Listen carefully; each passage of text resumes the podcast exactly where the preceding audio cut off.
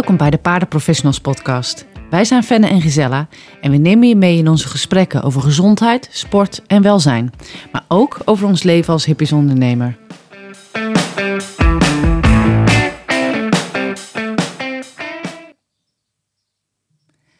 Fenna, heb jij eigenlijk wel eens stress? Nou, bedankt voor de directe vraag. Uh, maar het antwoord is ja. Ik heb zeker wel stress. Um, soms kort en mm -hmm. soms iets langdurig. En als we het dan hebben over stress, hoe, hoe zou jij stress omschrijven? Wat is stress voor jou? Uh, stress heb je nodig soms in bepaalde situaties. Hè, bij bijvoorbeeld prestaties uh, is het prima om even wat stress te ervaren, waardoor je eigenlijk tot een optimale prestatie komt. Maar langdurige stress, omdat je te veel druk ervaart, uh, is over het algemeen niet zo goed voor mijn gezondheid. Nee. Nee, daar ben ik het wel mee eens. Maar wat je net zei, vond ik ook wel interessant. Dat stress dus soms nodig is en uh, kan helpen in situaties waarin je mogelijk gevaar loopt. Maar ook bijvoorbeeld om goed te presteren. En ik denk dat dat ook iets is dat mensen wel eens vergeten. Dat stress inmiddels in zo'n negatief daglicht is komen te staan. Dat ze denken dat mensen en dieren eigenlijk nooit stress mogen ervaren. Ja. Maar ja, dan, dan, is er inderdaad een verschil tussen acute en chronische stress. Ja. Dus uh, in de tijd dat ik nog uh, uh, echt op hoger niveau sportte, dan leer je van de sportpsycholoog ook dat een bepaalde mate van stress ook nodig is. Dat geldt voor paarden ook. Maar chronische stress is natuurlijk wel wat anders. En Ja. dan geldt het weer voor zowel mensen als dieren dat chronische stress kan leiden tot ja, gevolgen voor het lichaam of ziekte. Ja. Maar als we beginnen met wat is stress nou eigenlijk, dan is het een instinctieve reactie van het lichaam.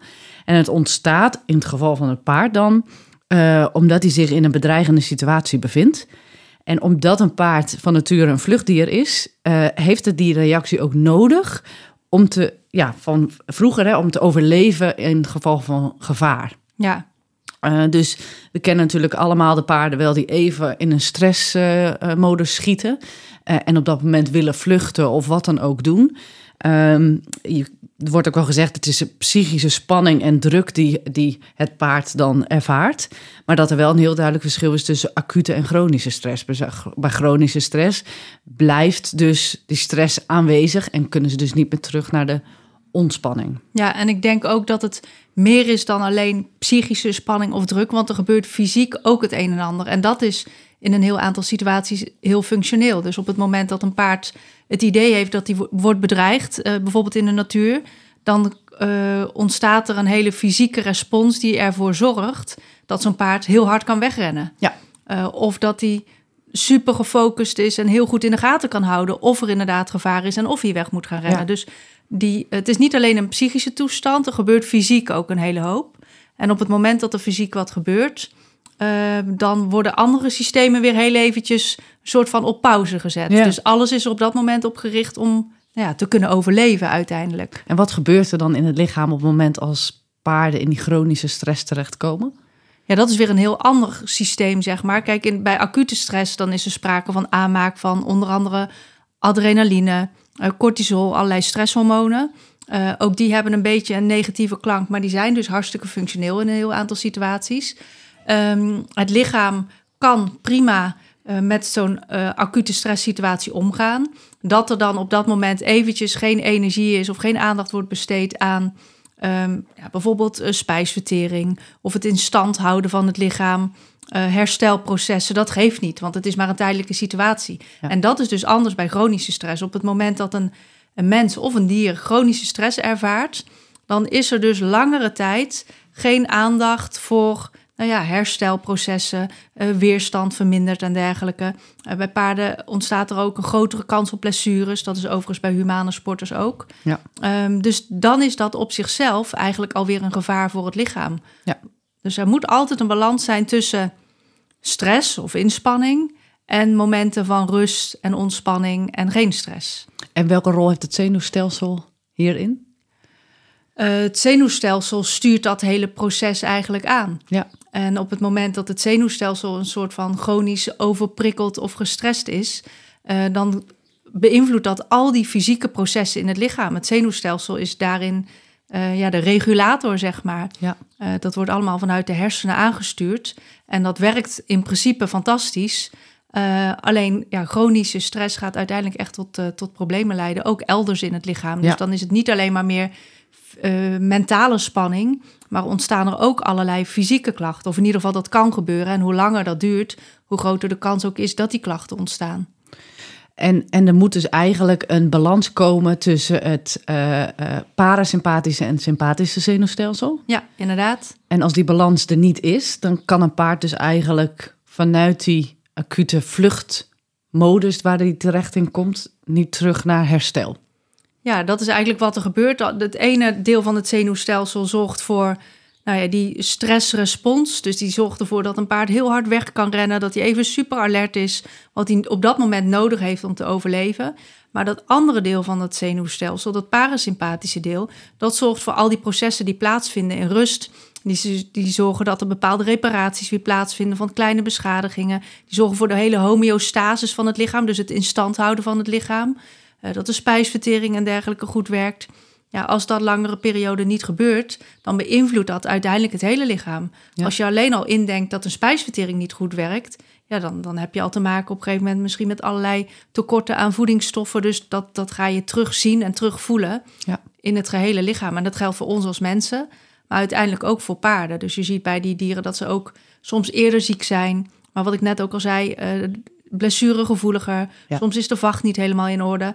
Maar soms, en dat is het verraderlijke, kan zo'n paard er eigenlijk fantastisch uitzien. Maar toch chronische stress ervaren en uh, zich dus ook fysiek en mentaal gewoon helemaal niet goed voelen. Ja. En dat kan langere tijd dan doorgaan, zeker als het niet geregistreerd wordt, totdat zo'n paard toch in één keer uitvalt met of een blessure of in één keer heel heftig uh, gedrag bijvoorbeeld. En kan je dat vergelijken met uh, overspannen zijn bij mensen? Burn-out?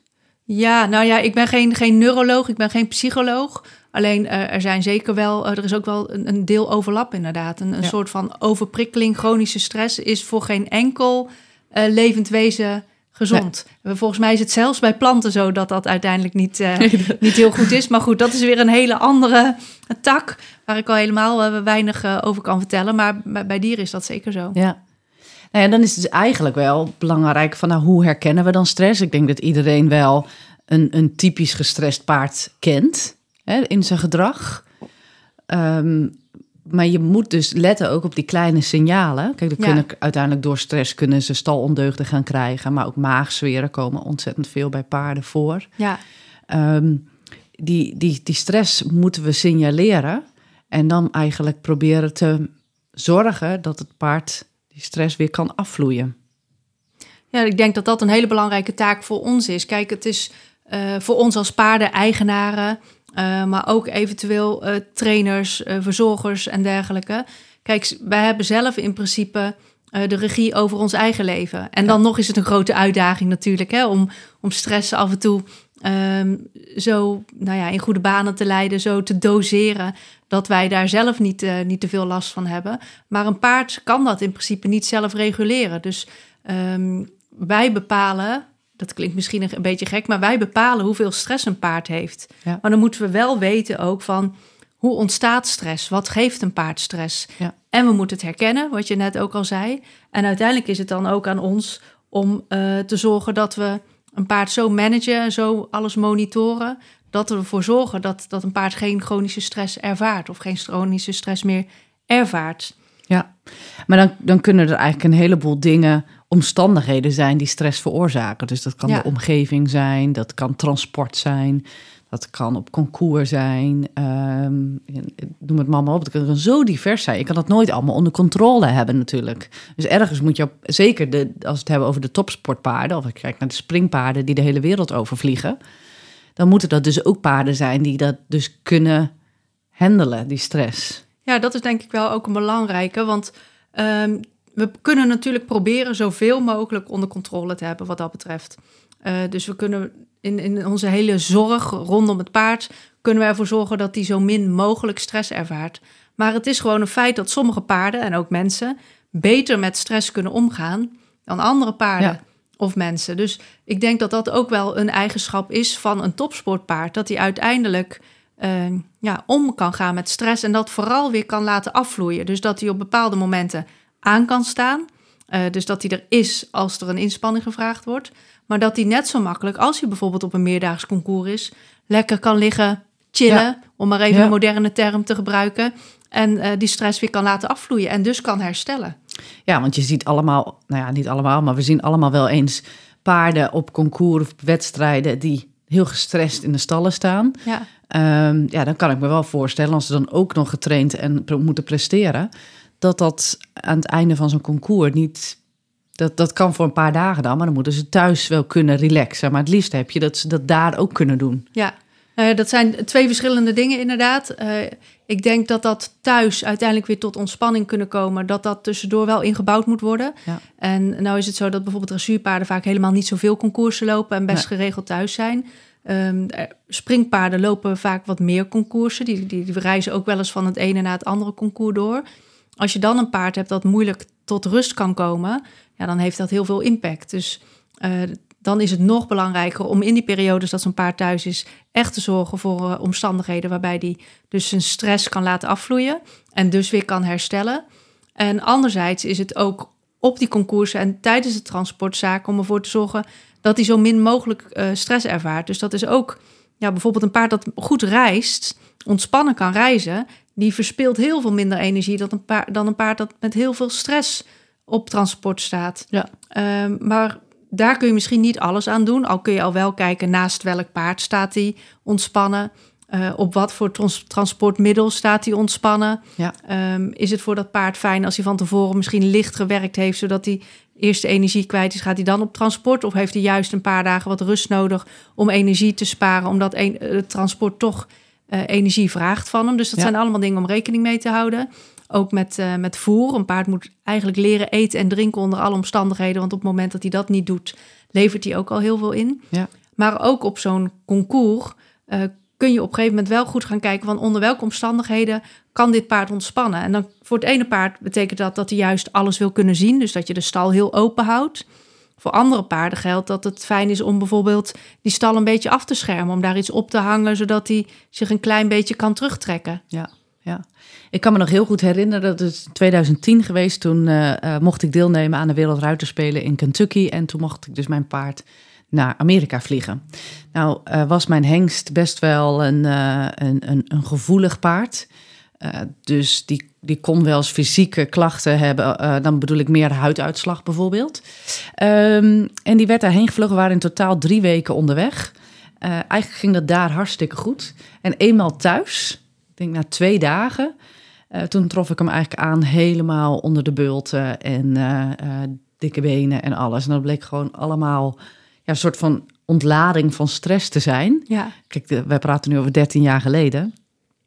Um, maar dat, ik vond het wel heel bijzonder om te zien dat zo'n paard dus eigenlijk voor mijn gevoel heeft hij zich drie weken lang eigenlijk ja, een soort van groot gehouden. Ja. om vervolgens thuis eigenlijk pff, alles eruit te gooien. Ja. Um, uh, en toen zag ik ook tot waar een paard toe in staat is. Hè? Ik bedoel, het is niet niks uh, dat vliegen met die paarden. Ik heb meerdere keren met paarden gevlogen. En eigenlijk zie je op dat moment paarden heel rustig staan eten. En alsof het niet zo heel veel met ze doet. Maar onlangs ook nog een paard uit Singapore binnengekregen. Die dus net een vlucht had gehad. Ja, daar moet je toch wel rekening mee houden dat hij echt wel even een, een periode heeft van even wat herstel van die ervaring. Ja, ook als het dus in eerste instantie goed lijkt te gaan. Precies, hè? dat bedoel ik. Ja, ja, ja. ja. Nou, nu je dat zo vertelt, denk ik, dat gebeurt bij mensen ook geregeld. Hoeveel mensen zijn er wel niet die maar doorgaan, doorgaan, doorgaan. Dat lijkt allemaal prima te gaan. En dan hebben ze vakantie. Oh ja. En dan worden ze ziek of storten Ja. ze in of wat dan ook. Ja. Ik bedoel, Ja. ik heb ze zelf ook wel geregeld meegemaakt dat je dan heel hard werkt en dat lukt allemaal. En dan ben je vrij en dan krijg je pas even een soort van terugval. Dan heeft het lichaam ook de kans om alles aan te pakken. En eh, Ja. hoef je ook niet meer even in die eh, verhoogde staat van paraatheid te zijn, zeg maar. Ja, ja. Nou ja, kijk, bij wij, wij mensen, wij merken bijvoorbeeld dat we slechter gaan slapen, dat we minder goed kunnen ontspannen.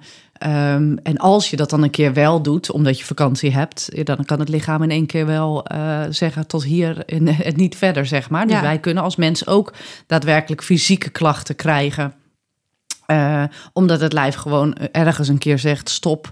Eh, nu is het genoeg. Ja, En ik geloof dat dat ook bij een paard zo is. ja zeker. Eh, dat dus sommige, ehm, we hebben het in een eerdere podcast, eh, zei je ook wel eens van, van die sportpaarden die dus eigenlijk ehm, eh, ja, overspannen zijn of te veel onder stress hebben geleden, die kunnen gaan kwakkelen. ja, En ja, die kom je nog wel eens tegen, dat ze onverklaarbare kleine dingetjes krijgen, waardoor ze elke keer net uit de roulatie zijn. ja, die vallen een beetje van het een in ja, het dat ander. bedoel ik, ja. En dan denk je, waar, waarom gebeurt... Maar dat is dan dus eigenlijk... Het is heel lastig om je vinger er dan op te leggen van dit is het of dat is het. Maar als je dan zo'n heel beeld ziet... Maar dat zijn dan niet bijvoorbeeld paarden die gevlogen hebben... of dat soort extreme dingen gedaan hebben. Nee, dat hoeft niet altijd. dat hoeft dus inderdaad niet altijd. Nee, en dat geldt bij ons ook. Kijk, st- stress krijg je niet altijd van hele grootse, super spannende dingen. Soms zijn het juist van die kleine sluimerende dingetjes die uiteindelijk toch zorgen voor langdurige stress. Ja. Maar wat denk ik wel belangrijk is, en jij, jij noemde net over eh, jouw reis naar Kentucky en dat dat eigenlijk hartstikke goed leek te gaan met jouw paard, maar dat hij daarna toch even eh, Nou ja, een soort van heel erg bij moest komen. Ja. Ehm, het, het allerbelangrijkste is denk ik dat we die stress bij paarden gaan leren herkennen. Ja. En blijkbaar laten ze dat dus niet zo makkelijk zien, want jij kende jouw paard ook heel goed. Ja. Ehm, zijn er bepaalde punten, symptomen, gedragingen, fysieke eh, klachten waarvan jij zegt van nou ja, dat zijn voor mij echt symptomen van stress. Die moeten we in de gaten houden. Nou, kijk, ik denk als, en dat zal jij wel ook wel herkennen, de spierspanning die een paard kan hebben, dat is prima, maar ze moeten in rust natuurlijk ook gewoon eh, normotoon zijn, dus een normale spierspanning hebben. Dus als paarden constant in een verhoogde spierspanning blijven staan, dan vind ik dat wel zorgelijk. Ja? Ze komen dan niet echt naar de rust. Ik vind de huid heel belangrijk. Dus krijgen paarden toch van allerlei rare uitslag, mok, eh, dat soort dingen. Dan vind ik dat ook wel ehm, ja, iets om goed op te letten van waar komt dat dan vandaan. ja. Ehm, het- ze moeten goed eten. Hè? Dus paarden die niet eten, eh, slecht eten. Nou, niet eten is helemaal slecht, maar Ja. slecht eten. Ehm, ik, ik heb bijvoorbeeld bij ons op het centrum, wij zijn s'avonds dicht. Vanaf vijf uur, zeg maar. En dat zeggen mensen wel eens, ja, waarom is dat dan? Dan kan ik vandaag s'avonds niet naar mijn paard. Nee, maar die rust op het hele terrein is ontzettend belangrijk voor paarden om dus goed te herstellen. Maar ik denk Ja. dat dat voor alle paarden geldt. Dat er rust is en niet constant het, het ene paard. eh, zeker paarden bij ons, die komen natuurlijk nieuw en zijn er voor een bepaalde periode. Maar als er dan constant heel veel prikkels om hen heen zijn, dan moeten ze de hele tijd alert blijven. ja. Ehm, en, en in een kudde zie je natuurlijk heel duidelijk dat er een bepaalde groep eigenlijk gaat slapen en er altijd wel eentje een soort van alert blijft. Ja, dat is natuurlijk op stal niet zo. Nee. Dus die paarden moeten in, een- in, op een gegeven moment vertrouwd dragen dat ze kunnen gaan slapen. Eh, en dat ze lekker lang uit kunnen gaan liggen. Dat, dat zijn wel belangrijke dingen voor mij. Ja. Nou, dat is denk ik al iets wat je heel goed in de gaten kunt houden. Eh, het ligt eraan op wat voor strooisel je paard staat, of dat nou thuis is op, of op concours. Maar probeer inderdaad er, erachter te komen of die überhaupt is gaan liggen. Ja. Want eh, langdurig niet liggend slapen heeft sowieso heel veel negatieve gevolgen. ja. Dus nou, dat kun je redelijk makkelijk in de gaten houden. Eh, verder zijn er natuurlijk bepaalde waarden die je bij je paard geregeld kunt checken. Bijvoorbeeld thuis in een ontspannen situatie. Iedere dag op hetzelfde tijdstip voordat het paard getraind wordt. Bijvoorbeeld temperatuur opnemen. Goeie. Eh, kijk eens naar eh, ademhaling. Hoeveel ademhalingen heeft hij normaal gesproken Ja. in rust? En als je dat dan op concours ook in de gaten houdt, dan Ja. kun je ook al eventuele verschillen registreren. Ja. En nou ja, natuurlijk, als je naar een warmer land gaat, dan kan het zo zijn dat die te- temperatuur Ja. Ook wel ietsje oploopt. Maar dat zijn wel waardevolle. Maar goed, neem dan ook de Waardes. tijd om daar te acclimatiseren. Hè? Ja. Dus eh, gaan wedstrijdruiters naar een land toe waar het klimaat heel anders is, dan hebben ze over het algemeen dat ze een aantal dagen de tijd wel nemen om daar te acclimatiseren. Ja, Eh, dat, dat geldt ook voor de humane sport. Eh, maar zorg inderdaad dat de basisbehoeften hetzelfde blijven. Dus onbeperkt ruwvoer blijven aanbieden voor het paard. Het liefst ook sociaal contact. ja, Ehm, ja, je ziet ook nog wel eens dat paarden dus bijvoorbeeld met z'n tweeën op wedstrijd gaan. En als er dan eentje weg is, dan is de ander helemaal in paniek. Of op de, op de wagen of op stal. ja. Ja, dat soort dingen wil je eigenlijk voorkomen. Ehm, maar de, paarden kunnen dan zoveel prikkels in één keer krijgen op zo'n wedstrijd. Omdat er zoveel is. Die slaan een beetje door, zeg maar. ja. Ja, dat is, dat is natuurlijk niet gezond. Nee. Nou, wat wel goed kan werken, en zeker als het dan gaat om internationale concoursen, maar eigenlijk ook wel voor regionale concoursen, ga er niet meteen heen om daar te presteren. Nee, Neem zo'n paard eerst een keer mee, gewoon om bijvoorbeeld bij een regionaal concours, om daar gewoon op het losrijterrein eventjes een half uurtje wat rond te rijden. Ja. En tussendoor een keer kunnen, te kunnen stappen zonder de druk van we moeten nu een prestatie leveren of wat dan ook. Ja. Eventueel met een begeleider erbij als je het zelf spannend vindt, die even mee kan wandelen. Ja. Dan maak je dat het al heel wat minder stressvol wordt voor jezelf. Ja, en dan zijn En het, ook voor het paard? dan zijn het ook goede leermomenten. Hè? Ik, bedoel, Ja. ik zeg altijd, paarden moeten ook kilometers maken, moeten Ja. ook dingen gaan doen. Als paarden nooit van het erf afkomen, ja, dan kan je je voorstellen dat ze als ze een keer wel van het erf afkomen, dat dat dan stress geeft. Ja. Of ze bijvoorbeeld, ze moeten een keer naar de kliniek toe, ze komen nooit in de trailer en dan moet het opeens wel. Dus ik ben wel altijd van mening om die paarden inderdaad wel bloot te stellen aan dat soort dingen, maar dan nog geen prestatie ervan te verwachten. Ja, stapsgewijs. Dus Ja. inderdaad, ga naar dat concours, maar rij nog niet mee in de wedstrijd. Nee. En dat is ook bij paarden die internationaal gestart worden. Ehm, ja, neem dan een keer, als je met twee andere paarden bijvoorbeeld eh, wel Ja. start, neem dan een derde paard mee als trainingspaard. Om gewoon daar een beetje te trainen. Dat hij went aan het daar op stal Ja. staan. De hele routine op zo'n concours. Ja. Ik weet nog goed, we hadden een aantal jaar geleden een springpaard. En ehm, die had, eh Laurens, mijn vriend, die had die opgeleid. En die had ZZ gelopen. Dat ging allemaal prima. Maar op een gegeven moment ging een andere ruiter dat paard eh, internationaal starten. En zijn eerste internationale wedstrijd was toevallig bij ons in de regio. eh, op een accommodatie waar hij wel eens eerder had gelopen. Maar het grote verschil was dat hij nu een dag of drie, vier daar moest blijven. En ehm, nou ja, dat paard gedroeg zich verder prima.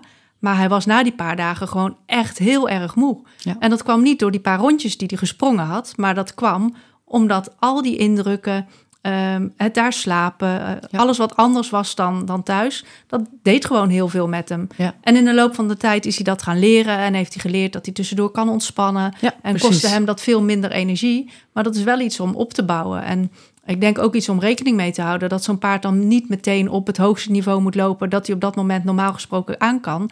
Maar dat je eerst eens even, nou, ik noem maar eh, in het springen, een paar gaatjes lager rijdt. Gewoon om Vertrouwen. ja, vertrouwen te krijgen. Rekening houden met het feit dat het energie kost. Ja. Even die paar dagen op concours en dus stress erbij. Ja. Totdat hij minder stress gaat ervaren, meer energie overhoudt om in de ring te presteren. Zodat hij in de ring misschien even die acute stressmomentjes heeft. Die Ja. overigens dus helemaal niet schadelijk hoeven te zijn. Nee. Maar dat hij daarna gewoon, als hij weer op stal is, kan ontspannen. Ja. En eh, nou, grooms weten op een gegeven moment ook, die vaak met paarden op concours gaan, wat die paarden nodig hebben. Ja. Eh, en als je daar dan rekening mee houdt, dan, dan help je zo'n paard echt om zijn, zijn stressniveau te managen. Ja, nou ja, en, en de belastbaarheid van een paard met chronische stress eh, is echt veel minder. Ja, Dus op het moment als je weet dat je paard een aantal dagen stress heeft gehad, eh, ja, pas dan je training er thuis eerst even op aan, totdat je echt het gevoel hebt dat je paard weer helemaal tot rust is gekomen en hersteld is. ja, Terwijl als je dan meteen thuis eigenlijk door gaat trainen, met in het achterhoofd wetende dat, dat hij zoveel stress heeft gehad, ja, dat is dan ook wachten tot het ergens het li- lijf ook zegt eh, stop. Dus ook omdat wij hebben soms ook even de rustdagen nodig ja, om, hè, ik zeg altijd een paar dagen eh, drukte of iets is helemaal niet erg. Maar dan even een rustdag voor mezelf is wel heel belangrijk. ja. Maar, maar dat is ook bij de prestaties die ze moeten leveren. Kijk, iedere prestatie waarbij je een paard dat vraagt wat hij ehm, nou ja, op de top van zijn kunnen zeg maar kan. Want in principe is het zo als hij een Grand Prix dressuurproef proef moet lopen of op het niveau moet springen waar hij op dat moment is, dan is dat eventjes een wat intensievere belasting, een intensievere prikkel. En dat geeft niet. Normaal gesproken kan zo'n paard dat aan. Maar na zo'n prikkel, na zo'n inspanning, heb je die herstelfase. Ja. En eh, die herstelfase die kan alleen plaatsvinden op het moment dat niet dat paard nog volop gestrest is. Als je dat wel is, dan gaat hij überhaupt niet herstellen. En dat betekent Ja. dat hij daarna ehm, dus direct verminderd belastbaar is. Dus de kans op blessures wordt ook heel veel groter. Dus het is Ja. zelfs zo dat als je gedurende een concours merkt dat je paard echt enorm gestrest is, dat je je af moet vragen of je hem dan de volgende dag nog in de ring wil rijden. Ja. Ehm, ja, uiteindelijk kun je er ook voor kiezen om te zeggen: ik ga niet meer de ring in, maar ik ga zorgen dat hij gewoon op het voorterrein of wat dan ook wel gaat leren omgaan met deze situatie. Ja, daar ben ik het wel heel, helemaal mee eens. Die, ik, ik denk dan ook meteen aan jonge paarden. Ehm, op het moment als jonge paarden bijvoorbeeld in een kudde of bij, op, een, op een opfok... eh, eigenlijk met mensen alleen maar stressvolle momenten ervaren. Bijvoorbeeld denk aan de hoefsmid, de dierenarts, de entingen. Uh, en op dat moment dus heel veel stress ervaren omdat er iets met hun gedaan wordt. En dan is die, de hoefsmid of de dierenarts weer weg. Nou ja, dan komen ze inderdaad wel weer tot rust. Maar dat onthouden die paarden wel. Dus ze gaan die stress ook wel linken aan, aan wij als mensen bijvoorbeeld. Ja. Nou, wat wij in de opfok proberen is dat we die paarden dus dusdanig veel in handen hebben. Maar de eerste keer, zeker in het opfok plus pakket wat we aanbieden, dan komen die paarden ook, leren we ze de wereld buiten de kudde kennen, zeggen wij dan. Ja. Maar de eerste keer, je moet niet denken dat je dan in één keer naar de binnenbak toe loopt. Want dat paard ervaart zoveel stress, omdat je hem dus weghaalt bij zijn vertrouwde kudde. Ja. Eh, ja, je gaat dan natuurlijk niks hem leren in die stresssituatie. Nee. Dus dan ga je eigenlijk gewoon stapje voor stapje eh, richting je doel. En datzelfde met trailerladen. Je, je kan je paard na drie jaar wel uit de opvolg halen en zeggen... nou, huppakee, je moet de trailer in. Dat paard ervaart zo ontiegelijk veel stress. Dat is natuurlijk niet oké. Nee. Ehm, dus ik zie dat ook bij jonge paarden door ze goede ervaringen te geven. En natuurlijk hebben ze de eerste keer bijvoorbeeld als ze met de hoefsmid zijn, of de eerste keer dat we iets met ze doen, ervaren ze een klein beetje stress, maar ze krijgen vertrouwen in ons, ze, ze leren ontspannen. Eh, je ziet ze daarin groeien. Dat je op een gegeven moment gewoon zo'n paard kan trailen, laden. Je kan hem even naar de binnenbak nemen. Dat we niet elke dag, dat doe je misschien één keer per maand. Ja. Maar zo voorkom je dus dat, dat paarden in bepaalde situaties elke keer weer in een mega stress schieten. Ja. En eh, dus voor mijn gevoel begint het dus echt al bij een heel jong paard. Ja, ik denk dat dat belangrijk is. Dat, dat die jonge paarden eigenlijk al positieve ervaringen krijgen. Maar ook leren omgaan met stress. Ja. In ieder leven is er nou eenmaal af en toe stress. En dat Ja. geeft niet. Als je op een gegeven moment maar weet van... oké, dit kan ook weer afvloeien. Nou, dat is een hele goeie wat je Ja. zegt. Want wij zeggen ook altijd van... En wij moeten paarden leren omgaan met de dingen die ze spannend vinden. Zo zeggen Ja. wij dat dan. Maar je zegt, dat is eigenlijk hetzelfde van hoe gaan ze omgaan met stress. Dus ze, ze komen in één keer een machine tegen. Ja, Eh, ja, als zij gewoon in het weiland lopen, ja, dan rennen ze weg. ja, Maar als Angelique bijvoorbeeld dat paard vast heeft en ze loopt ergens langs, of er moet iets gebeuren en zij zien iets wat ze spannend vinden en ze willen alleen maar weg, dan gaat Angelique ze leren om eigenlijk wel eerst even een soort van te kijken naar wat er nou zo spannend is. Dus je leert ze omgaan, wat, en dat verschilt per paard. Het ene paard gaat vluchten, het andere paard gaat stijgen, het andere paard gaat trappen, verschillend. Ehm, maar door ze inderdaad dat te leren op jonge leeftijd al, zie je dat die paarden in staat zijn om met spannende situaties veel beter om te gaan. ja, Als in het volwassen leven, zeg maar. Eh, en als wij bijvoorbeeld paarden binnenkrijgen. De aquatrain is natuurlijk een spannend apparaat, hè? Ik, bedoel, ik, ik zeg ook al heel vaak, we stoppen dat paard in die aquatrainer, zetten de lopende band eraan, doen we er ook nog wat water bij. Ja. Nou, dat kan je ook van de trailer vinden. Of allerlei andere dingen. We doen het maar wel met die paarden. ja, En, en een heel groot gedeelte van de paarden, die gaat er ontzettend goed mee om. Want als je dat rustig begeleidt, eh, dan, dan vertrouwen die paarden ons. Maar eens in de zoveel tijd hebben we paarden die dus niet daar met die mate van even stress om kunnen gaan. En schieten gewoon volledig in paniek. Ja. En dat zijn dus automatisch dan gevaarlijke situaties. Dus mijn inziens hebben die paarden nooit geleerd hoe om te gaan met dingen die ze spannend vinden. ja. En dat, dat, dat zorgt echt voor eh, gevaarlijke situaties. Voor ons als mens en voor het paard. Uiteindelijk ook voor het paard, inderdaad. Zeker. Ja, Dus eh, daar ligt ook onze taak als, als mens. Hè? Wij, wij willen wat met die paarden. Ze lopen niet meer in de natuur de rest van hun leven... en moeten vluchten voor de, een dier waar ze... eh, een roofdier. Eh, wij willen wat met ze. En wij gaan van alles met ze doen. ja, Ehm, dan moeten we ze ook gaan leren ons te vertrouwen en goede ervaringen te krijgen. En dat gaat, geldt dus ook voor wedstrijden, Ja. voor concours. Dat ze inderdaad, precies zoals je zegt, eerst meegenomen worden. Laat het ze zonder. Kijk, als, als ze moeten presteren, dan zit ook nog een ruiter op. Die heeft ook stress op dat moment. Ja. Die heeft ook spanning. Nou, wat gebeurt er als de ruiter spanning heeft? Dat voelt dat paard. Mhm. Paarden voelen alles. Dus dat zorgt voor nog meer stress bij het paard. ja, Tenminste, zo zie ik het dan Mhm. hoor. Ehm, dus ook voor de ruiter is het natuurlijk fijn om het paard eerst gewoon eens mee te nemen, zonder dat daar meteen een prestatie van verwacht wordt. ja. Ja, en ik denk dat het best wel eh, prioriteit mag hebben om situaties te creëren waarin paarden uiteindelijk zich zo goed mogelijk kunnen ontspannen. Dus jij gaf net al aan van nou wij gaan aan het eind van de middag sluit onze stal. Ehm, dan, dan mogen er geen mensen meer van buiten afkomen. Die rust is heel belangrijk. En dat is ook op concours zo. Ja. Eh, dus ja, dan kunnen wel allerlei mensen naar dat paard komen kijken, bijvoorbeeld. Maar dat is niet altijd in het belang van het paard. Nee. En dat geldt bijvoorbeeld ook bij veuletjes of wat dan ook. Dat is hartstikke leuk, hartstikke schattig. Maar niet gelijk iedereen erop af laten vliegen. Die, ook die hebben in eerste instantie ook even hun rust nodig. Ja. Ook wel ervaringen, ook wel prikkels, maar stap voor stap. Ja. En, en nou, ik zie dat wel heel duidelijk bij eh grooms die echt heel veel reizen met de paarden en meegaan naar alle concoursen. Die weten op een gegeven moment echt wel heel goed eh, waar die paarden het eh, ja, goed op doen. Ja. En ik heb ook wel geregeld paarden gezien die bijvoorbeeld heet werden in het springen, in het losspringen. En die bouwden dan een beetje stress op of spanning op. Dat adrenaline, adrenalinepeil was waarschijnlijk heel erg hoog. En wat je dan wel eens ziet, is dat ze bijvoorbeeld in de hoek van de losreis, van de, de losspringring, parkeren ze zo'n paard even. Zonder ruiter, gewoon even Ja. staan. Ja. Er zijn nog steeds al die prikkels, maar die paarden leren op een gegeven moment wel van: oké, ik kan hier ook even ontspannen. En natuurlijk zijn er nog al die prikkels uit de omgeving. Maar je ziet wel dat dat stressniveau lijkt te dalen bij die paarden dan. En dan vervolgens gaat zo'n ruiter er weer op en die rijdt nog eventjes om toch dat paard warm genoeg de ring in te rijden. Maar dan gaat zo'n paard dan toch vaak ontspannender de ring in. In ieder geval voor die categorie paarden. Ik zeg niet dat dat voor alle paarden werkt, maar dat zijn wel dingen waar je aan zou kunnen denken. Van hoe kan ik ervoor zorgen dat dit eh, stressniveau niet door het plafond gaat, zeg maar. Want je krijgt dat niet meer opgelost met ehm, het duidelijk zijn, streng zijn, met geweld of wat dan ook. Als een paard helemaal echt gestrest is, ja, dat weten we allemaal. Dan zijn ze in staat om overal doorheen te gaan. Ja. Dus Ja. in plaats van dan te gaan vechten, is het denk ik belangrijk om te kijken van hoe kunnen we die stress laten afvloeien.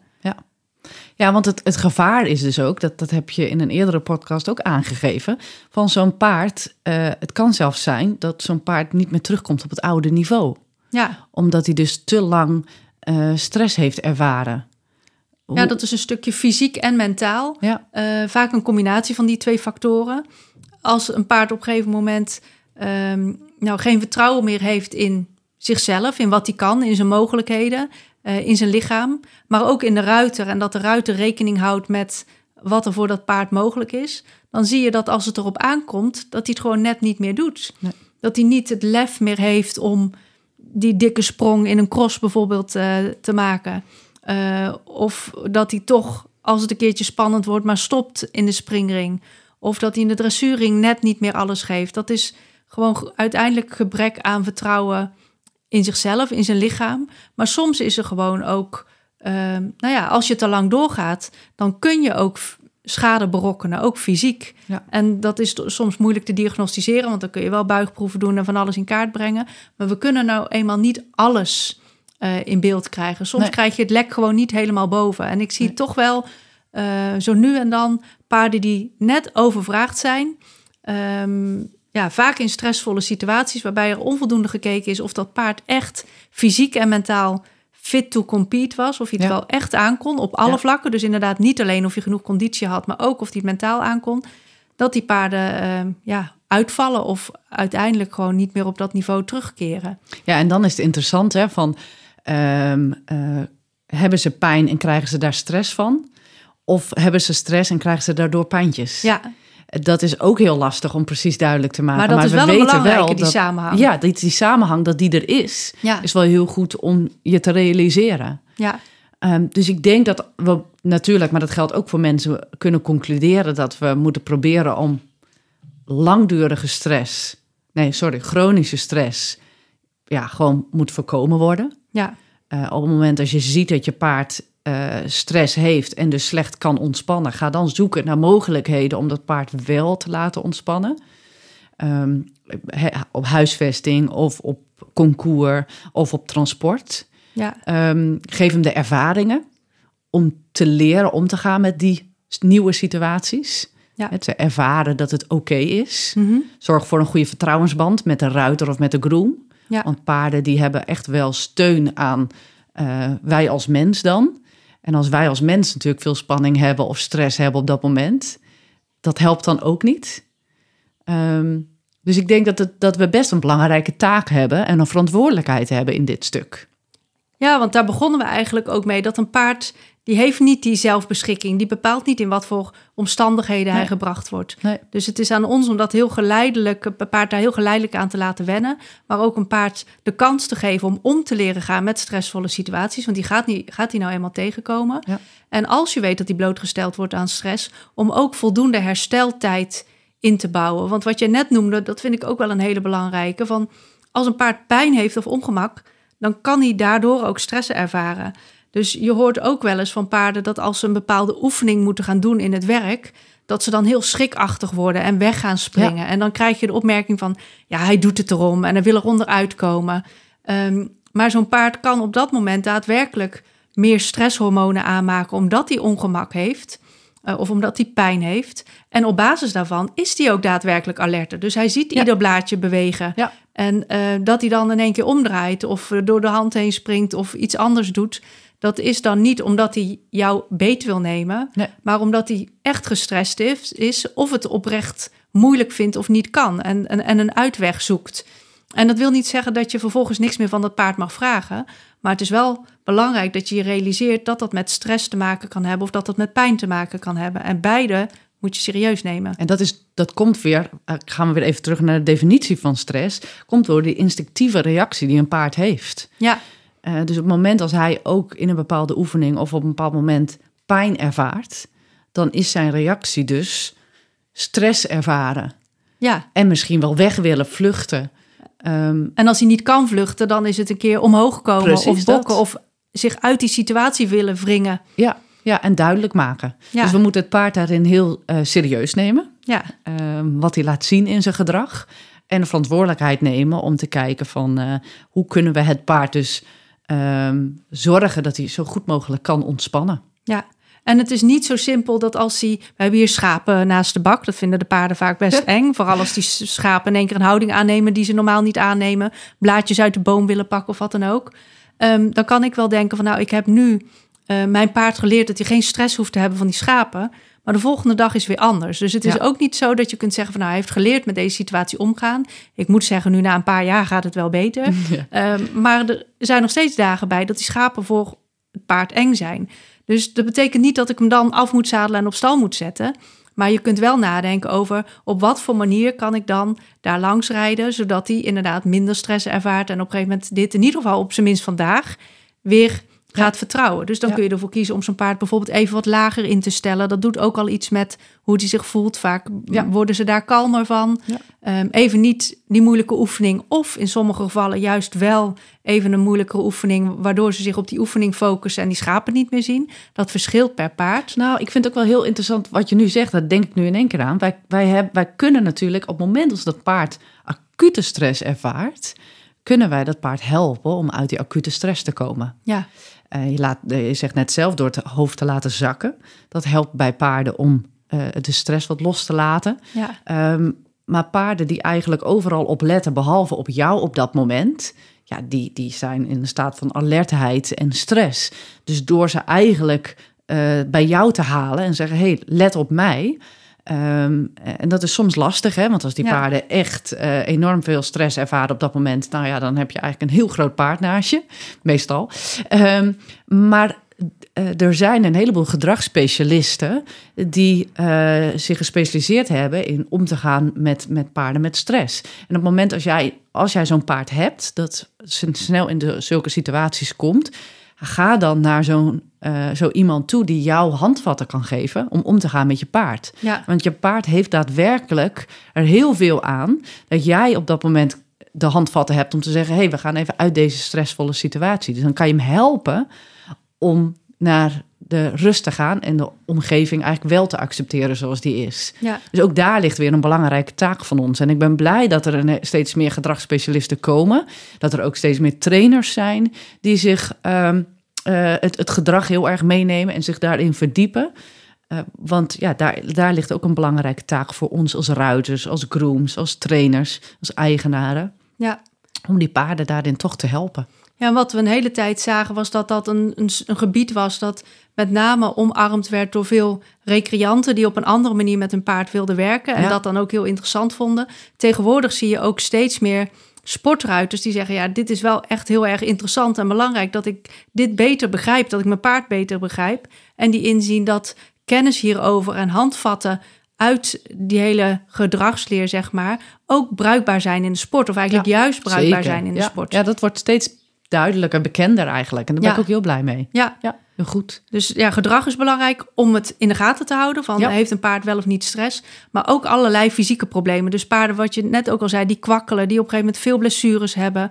Maar denk ook aan maagzweren. Ja, Ehm, zeker. Dat de paarden geen goede mest hebben, bijvoorbeeld. Dat zijn allemaal signalen Ja. eh, die kunnen wijzen op stress. En Ja. nogmaals, af en toe stress is niet erg. Even acute stress, eh, daar kunnen ze prima van herstellen. Maar die hersteltijd hebben ze wel nodig. Ja. En het is aan ons om, eh, om mogelijkheden te creëren of situaties te creëren waarin ze uiteindelijk weer kunnen herstellen. En dat kan hem in kleine dingetjes zijn. Ik heb bijvoorbeeld één, eh, één klant en die komt hier geregeld heen met haar paard, maar dat paard is gestrest als hij alleen moet reizen. Ja. En ze hebben een ouder paard, dus met pensioen, die is ook altijd mee geweest op concours. Die vindt het helemaal prima om mee op pad Ja, te gaan. mooi hè? Dus Soms die is het ook een mee. Shetlander. Ja. Ja, en eh, die vindt dat prima. Het andere paard is veel relaxter, dus zijn stressniveau is veel minder hoog.